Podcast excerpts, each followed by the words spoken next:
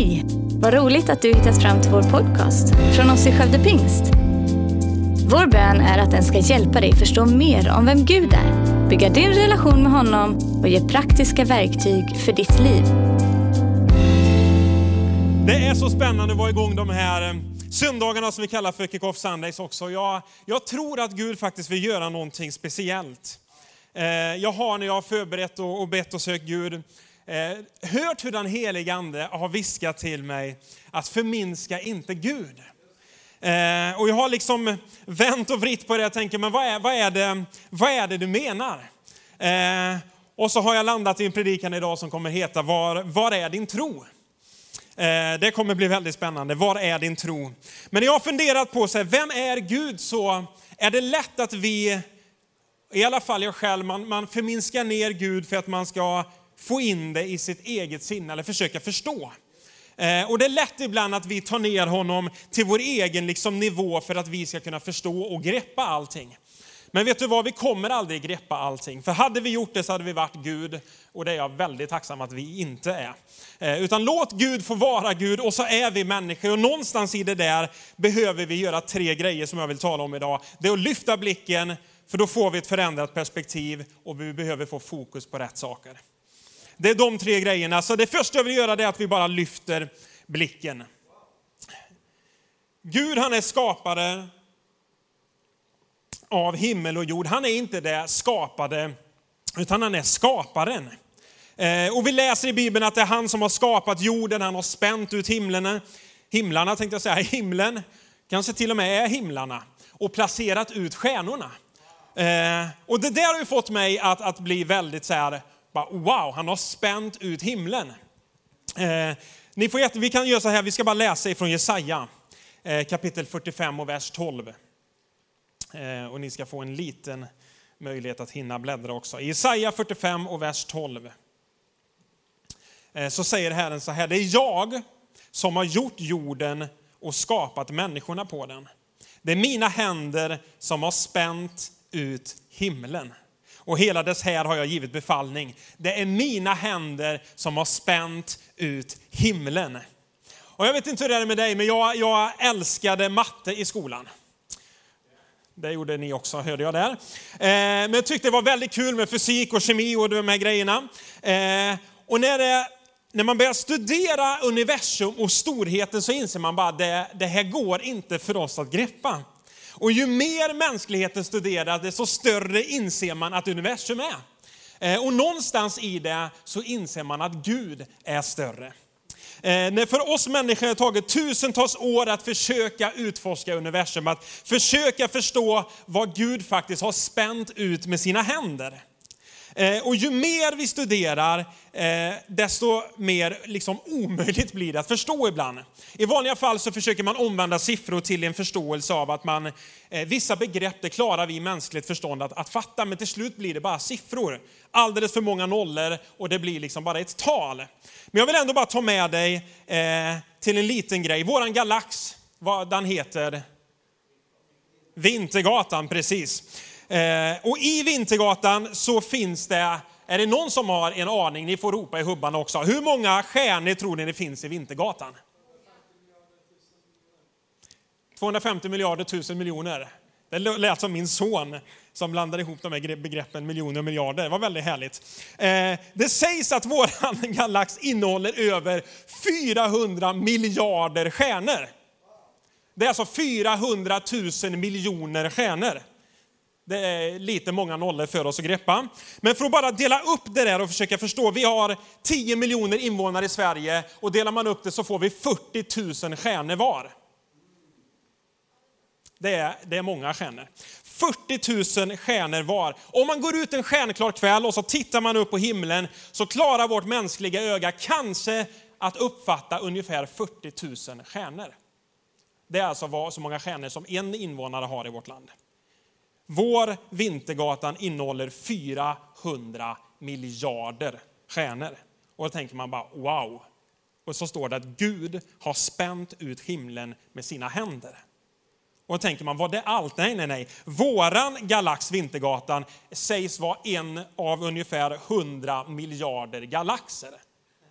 Nu blev det galet. En av ungefär 100 miljarder galaxer och vi har ännu inte nått slutet. Någonstans i det där så inser man bara, wow, om, om Gud, det, det gäller för oss tror jag att lyfta blicken. Förstå att det står att Gud spände ut himlen med sina händer. Han tog och liksom placerade ut stjärnorna. Det som för oss hittills har tagit tusentals år och vi inte kommit i närheten av förståelsen, det var någonting som Gud skapade, spände ut. Vi har en stor Gud. Samtidigt som man bländas av hela storheten så kan man börja studera liksom detaljrikedomen i Guds skapelse. Man tittar på hur allt hänger ihop i funktioner, i människokroppen. Och så börjar man gå ner så här molekylnivå, så tittar man på den lite mindre atomen och så kommer man ner till kvarkarna och så kommer man ner till kanske man talar i de strängar. Alltså det är så små grejer så vi fattar inte hur liksom detaljerat det är. Men allt hänger samman. Och jag vet inte hur det är med dig, men när man kommer ut ibland och så ser man berg. Du vet, så man tittar ut och så, jag kanske inte hemifrån, getaryggen är inte liksom så maffigt. Men om man tittar på, liksom, man kommer ut i någon, fjär, i någon så bergskedja, man tittar ut på, på fjällstopparna, det ser klarblå himmel, det ligger snö där och så gnistrar det liksom när solen blänker och så bara inser man, wow, vilken stor Gud vi har, vilken skönhet det är. Eller också någon gång så sitter man vid havet och så är det helt sådär spegelblankt. Det är också klarblå himmel och så, så, så är det liksom vattnet bara blänker där i och så ser man ut över skärgården och man bara wow, det måste finnas en Gud. Och mitt i allt det där så, så står det i Romarbrevet 1 och 20 att ända från världens skapelse så ses eh, och uppfattas hans osynliga egenskaper. Hans eviga makt och gudomliga natur genom de verk som han har skapat, därför är de utan ursäkt. Alltså genom att titta på skapelsen så kan vi förstå att det finns en Gud. Det är inte alltid att vi ser Gud, men vi förstår att det finns en Gud. Man kan titta på en tavla och du ser inte konstnären, men du förstår att det finns en konstnär bakom tavlan. Ja, inte bakom själva tavlan då, utan eh, som har gjort tavlan. Eh, på samma sätt så hittar man liksom inte musikern i nothäftet och man hittar inte bagaren i bullen, men man förstår att det finns en, eh, en bagare bakom det där. Eh, och någonstans i skapelsen så tror jag det handlar för oss människor att vi behöver lyfta blicken från vårt eget och se upp till honom. För när man gör det, när man lyfter blicken upp till hans storhet så förändras hela vårt vadå, perspektiv. Allting förändras när vi börjar inse att skaparen säger att allting är möjligt.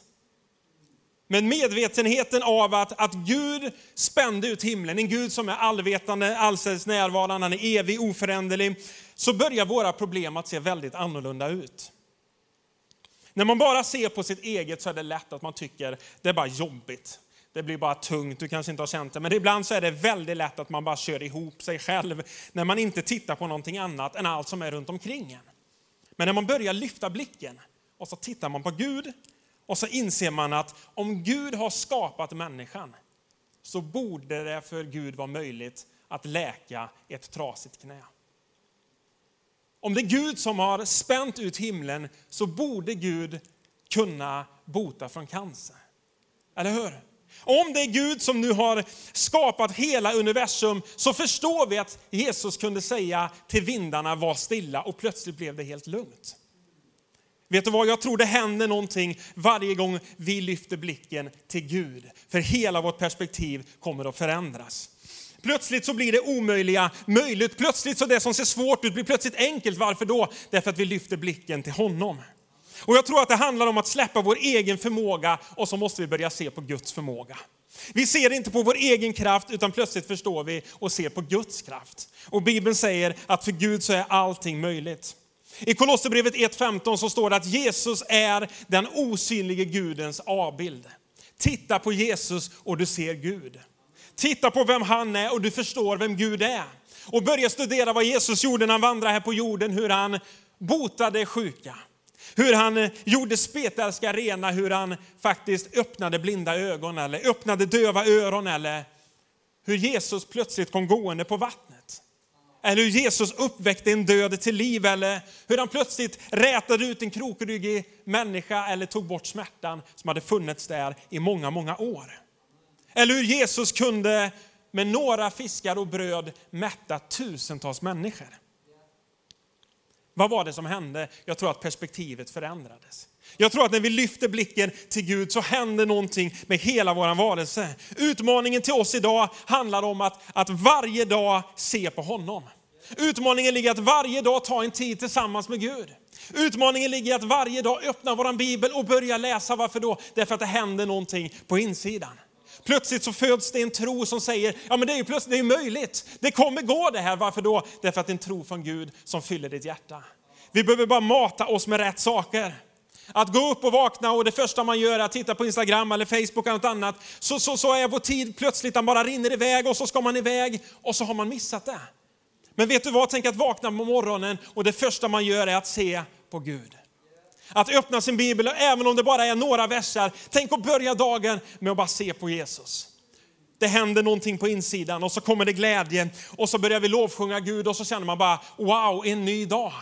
Vet du vad jag skulle vilja utmana dig? Till att våga börja dagen på bästa sätt. Även om det bara är en liten stund man har innan alla ska iväg och man har familj och sådär. Så bara ta den där lilla, lilla stunden och be en bön. Läs några bibelord, sjung några fraser till Gud och jag kommer lova dig, ditt liv kommer förändras. Låt oss lyfta blicken för hela vårt perspektiv kommer att förändras. Jag tror att det får det omöjliga att bli möjligt.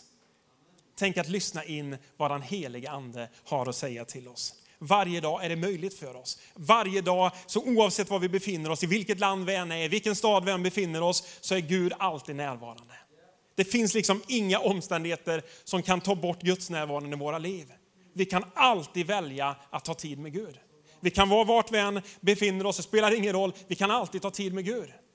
Även om vi liksom inte högt får prisa Gud eller inte har med min bibel, så kan jag fortfarande be på insidan.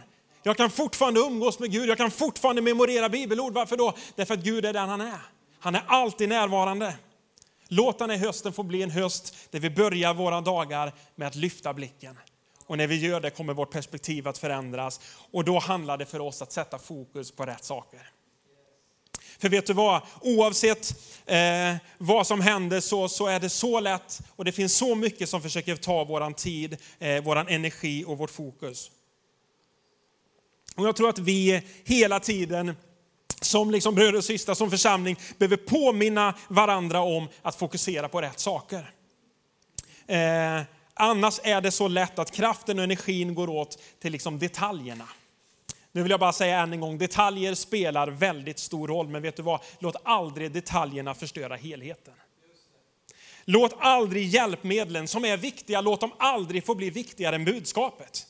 Låt alltid Jesus Kristus få vara det centrala. Jag tror att det finns någonting i att, att det handlar för oss som människor att fokusera på uppdraget. Vad var det Jesus egentligen kallade oss till? Att ta de goda nyheterna om honom till fler människor. Det är det mest centrala, det är det viktigaste du och jag har att göra. Det är att ta Jesus till fler människor. Sen finns det massa olika kallelser, många olika uppdrag, men låt oss alltid fokusera på att ge Jesus till en människa till. Låt oss alltid ge Jesus till en människa till. Simon predikade så bra förra veckan om att även om inte vi kan vinna hela världen så kan vi ändra hela världen för en människa. Låt oss alltid ha med oss det att ge Jesus till en människa till. Vet du vad? Vägen till förlåtelse finns vart då? Hos Jesus.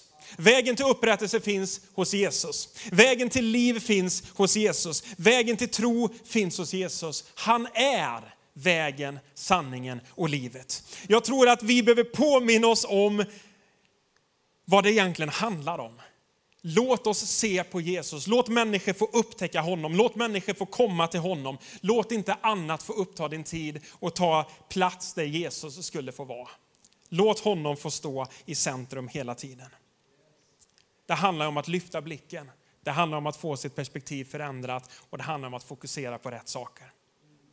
Vet du vad, igår kväll så hade jag varit på ett bröllop och på vägen hem i bilen så eh, drog jag på sådär hög, underbar volym eh, och, och, bara lyssnade på lovsång. Och, eh, och jag bara älskar ibland att åka bil själv, för jag tycker det är så skönt att bara det finns inget annat utan jag bara höjer och säger ja och Gud eh, där i bilen. Och, och, mitt i den här stunden så, så börjar jag be. Eh, och börjar verkligen be för den här gudstjänsten. Och för dig som sitter och lyssnar idag, därför att jag bara, helige ande, vad är det du vill göra för någonting? Och vet du vad, det bara, Det bara hände någonting i bilen och jag älskar när den heliga ande kommer och bara börjar tala. Eh, och plötsligt så visar han mig en berättelse i Markus kapitel 2. Eh, det är hur fyra män kommer till Jesus. De eh, eh bär en, en av sina kompisar på en bår. Han är lam och kan inte gå. Och så ska de ta honom till Jesus för att de vet att bara vi kommer till Jesus så kommer han att bli frisk. Eh, deras tro var, och de hade verkligen lyft blicken och visste att Jesus, bara vi kommer till Jesus så kommer det att hända någonting. Eh, så de tar den lame mannen, vi vet inte hur långt de har gått, vi vet inte hur långt de har tagit sig. Vi vet bara en enda grej, de bär sin vän och är på väg till Jesus. Men när de kommer fram till Jesus så är det så mycket människor där att de kommer inte in. Hemma hos Jesus så är det helt fullt i hela huset, det är fullt utanför och de ställer sig och kan inte ta sig in. Och för många människor kanske man hade stannat där. Många hade tyckt att det räckte, nu, nu är liksom omständigheterna för stora mot mig. Men jag bara älskade att de hade fokus på rätt sak. Vi ska ta oss till Jesus. Vi ska komma till honom. Så de tar sig upp där på taket och så står det att de börjar plocka bort taket ovanför Jesus. Och jag vet inte vad du tänker, men jag försöker ofta att skapa en bild liksom av hur det ser ut när man är där och börjar plocka bort taket och så hissar de ner den här lame mannen mitt framför Jesus. Och i min värld så är det så att människor runt omkring måste ha tänkt så här, det de gör nu det är inte rätt. Så här har man inte gjort innan, är det här verkligen värdigt sätt att göra det här på? Så här har vi aldrig sett att det har gått innan, men vet du vad? De var, var så fokuserade på en enda sak, vi ska till Jesus. Och jag älskar det som står i Markus kapitel 2, vers 5. Och ni ska få chans att bläddra här en gång. I Markus kapitel 2 eh, och vers 5 så, så kommer vi mitt när de liksom har gjort den här öppningen och så börjar de sänka ner den här bädden som den lame ligger på. Så står det så här i vers 5. Jesus såg deras tro. Och jag tycker det räcker där. Jesus såg deras tro. Och det var som att den helige ande utmanade dem och säger, hej, var är din tro? Och jag bara satte i bilen, bara vadå? Så här, var är din tro? Och det bara hände någonting på insidan och så undrar jag så här, du vet jag bara längtar efter det här. Var är våran tro idag? Var är det där som på insidan får allting annat att försvinna? Var är det där på insidan, den är tron som får problemen att bara bli så där små? Vad finns det där i våra liv idag? Vad finns de församlingar idag som säger att, vet du vad, omständigheterna kommer inte att stoppa oss.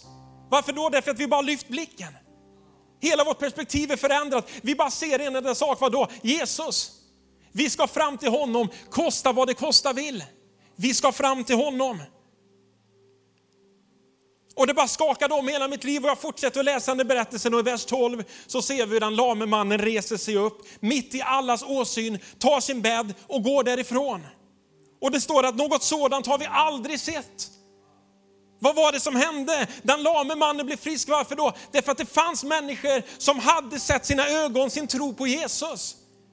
Som sa att det spelar ingen roll om omständigheterna är emot oss. Vi ska ta oss till Jesus och det kommer att förändra allting. De hade lyft blicken, de hade fått ett förändrat perspektiv och de fokuserade på rätt sak. Idag så är det söndag och vi firar gudstjänst. Och vet du vad, Jesus har inte förändrats. Jesus är fortfarande densamme. Och det är som att Gud bara säger, vet du vad, den här hösten så vill jag väcka upp. Jag vill väcka upp en längtan i våra liv. Jag vill väcka upp en, en tro i våra liv. Jag vill utmana er till att börja lyfta blicken. Nej, om du inte har den tron, vet du vad? Börja morgonen med att prisa Gud. Jag vill utmana dig den här hösten, börja ta tid i Guds ord. Om du säger det där, det är ju någonting jag längtar efter ska finnas i mitt liv. Vet du vad, jag har en utmaning till dig. Börja umgås med Gud. Det finns inga andra vägar. Det finns inget sätt av att liksom hypa sig igång. Det är ingen idé att bara sitta och ropa och tro att nu snart kommer det. Vet du vad? Börja studera Guds ord. Börja spendera tid med Jesus. Och vet du vad, det kommer förändra våra liv. I Markus kapitel 4 så tar Jesus och lärjungarna, de åker ut i en båt och ska ta, ta sig iväg till andra sidan sjön tror jag det är. Och så blåser det upp till en stor storm. Och lärjungarna de, de är där i båten och båten börjar ta in vatten. Och de är rädda och det står att de skriker av rädsla.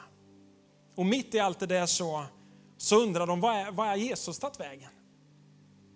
Och du kan bara tänka på en båt när vågorna går höga, den börjar ta in vatten, man, man känner båten håller på att kantra, vi kommer gå under, vi kommer dö. Och så hittar man Jesus sovande, sovandes i bak i båten. Och man går ner och väcker honom och står och så säger de så här, men Jesus, mästare, bryr du dig inte om att vi går under? Och jag bara älskar vad Jesus gör. Han ställer sig upp och så talar han till vinden. Och så blir det helt stilla. Men så kommer den där frågan från Jesus till dem. Hej, var är er tro? Hej, hur är det med tron? Och man kan tycka sig, men vadå då är det rätt fråga att ställa där? Han säger, varför är ni rädda? Har ni ännu ingen tro? Och det där är någonting som bara, ja det pulserar på insidan, det väcker någonting i mig. Var är våran tro idag? Skulle Jesus säga samma sak till oss? Var är eran tro? Hur är det med eran tro? Eller skulle han säga, underbart, bara fortsätt. Vet du vad, det här blev en väckarklocka för mig. Och jag skulle önska att det skulle få göra någonting i ditt liv när du sitter och lyssnar idag. Att det skulle få väcka en hunger på insidan, en längtan på insidan. Där tron skulle få bli så stark att det finns ingenting som ligger i vägen. Att när vi möter vår granne som kanske är sjuk så är det mest naturliga som finns att vi lägger händerna och inte ber för dem utan botar dem. Varför då? Därför att det finns en sån tro på insidan. Att när vi möter omständigheter, omöjligheter, så är det inte så att vi ska hitta någonting eh, och försöka och bara klara situationen. Nej, nej, nej. Vi lever ett övervinnande liv. Vi lever ett liv där vi bara ser möjligheter. Varför då? Därför att det bara finns en sån tro på insidan. Det får kosta vad det kosta vill. Jesus måste ut till fler människor. Jag tror att den här hösten kommer vara en höst där vi som församling kommer se fler människor än vi någonsin har gjort innan bli frälsta. Varför då? Därför att jag tror att Gud väcker någonting i oss. Jag tror att Gud gör någonting i våra liv. Jag tror att han håller på att röra om och säger, hej, var är er tro? Vakna upp, börja spendera tid, börja prisa mig. Vet du vad? Det kommer hända någonting i våra hjärtan. Det kommer väcka oss på nytt, det kommer göra oss till liksom en eld på insidan som inte kommer kunna stoppa oss. De säger i en tid av corona, håll er tillbaka, vet du vad? Vi ska vinna fler människor. Vi är inte nöjda med att se att någon människa kommer hit, eller vi vill längtar efter att nå bredare, större, fler människor. Låt oss väcka varandra och säga, var är din tro? Men låt det bli till en uppmuntran där vi bara känner Gud, gör någonting i våra hjärtan. En längtan. Vet du vad, jag vill be en bön tillsammans med er som sitter och, och lyssnar där idag. Och jag tror att Gud gör någonting. Han gör någonting definitivt i mitt eget liv. Och jag skulle bara be att Gud skulle få göra någonting i ditt liv. Att han bara får väcka upp en tro. En tro på en Gud som inte förändras. En tro på en Gud som är evig, som är oföränderlig, som är sann. Och vars hjärta blöder för att nå fler människor. Tack för att du lyssnat. Dela gärna podden med dina vänner och glöm inte att prenumerera så du inte missar nästa predikan. Om du har några frågor eller vill att vi ska be eller tacka för något tillsammans med dig så får du gärna höra av dig till kyrkan skövdepingst.se. För oss är veckans höjdpunkt söndagens gudstjänst och det vore så kul att träffa dig där. Våra team finns då redo att ta emot dig och det finns även egna samlingar för barnen. Du hittar mer information om oss, vilka vi är och våra olika mötesplatser på skövdepingst.se. Gud välsigne dig och ha en fortsatt bra vecka.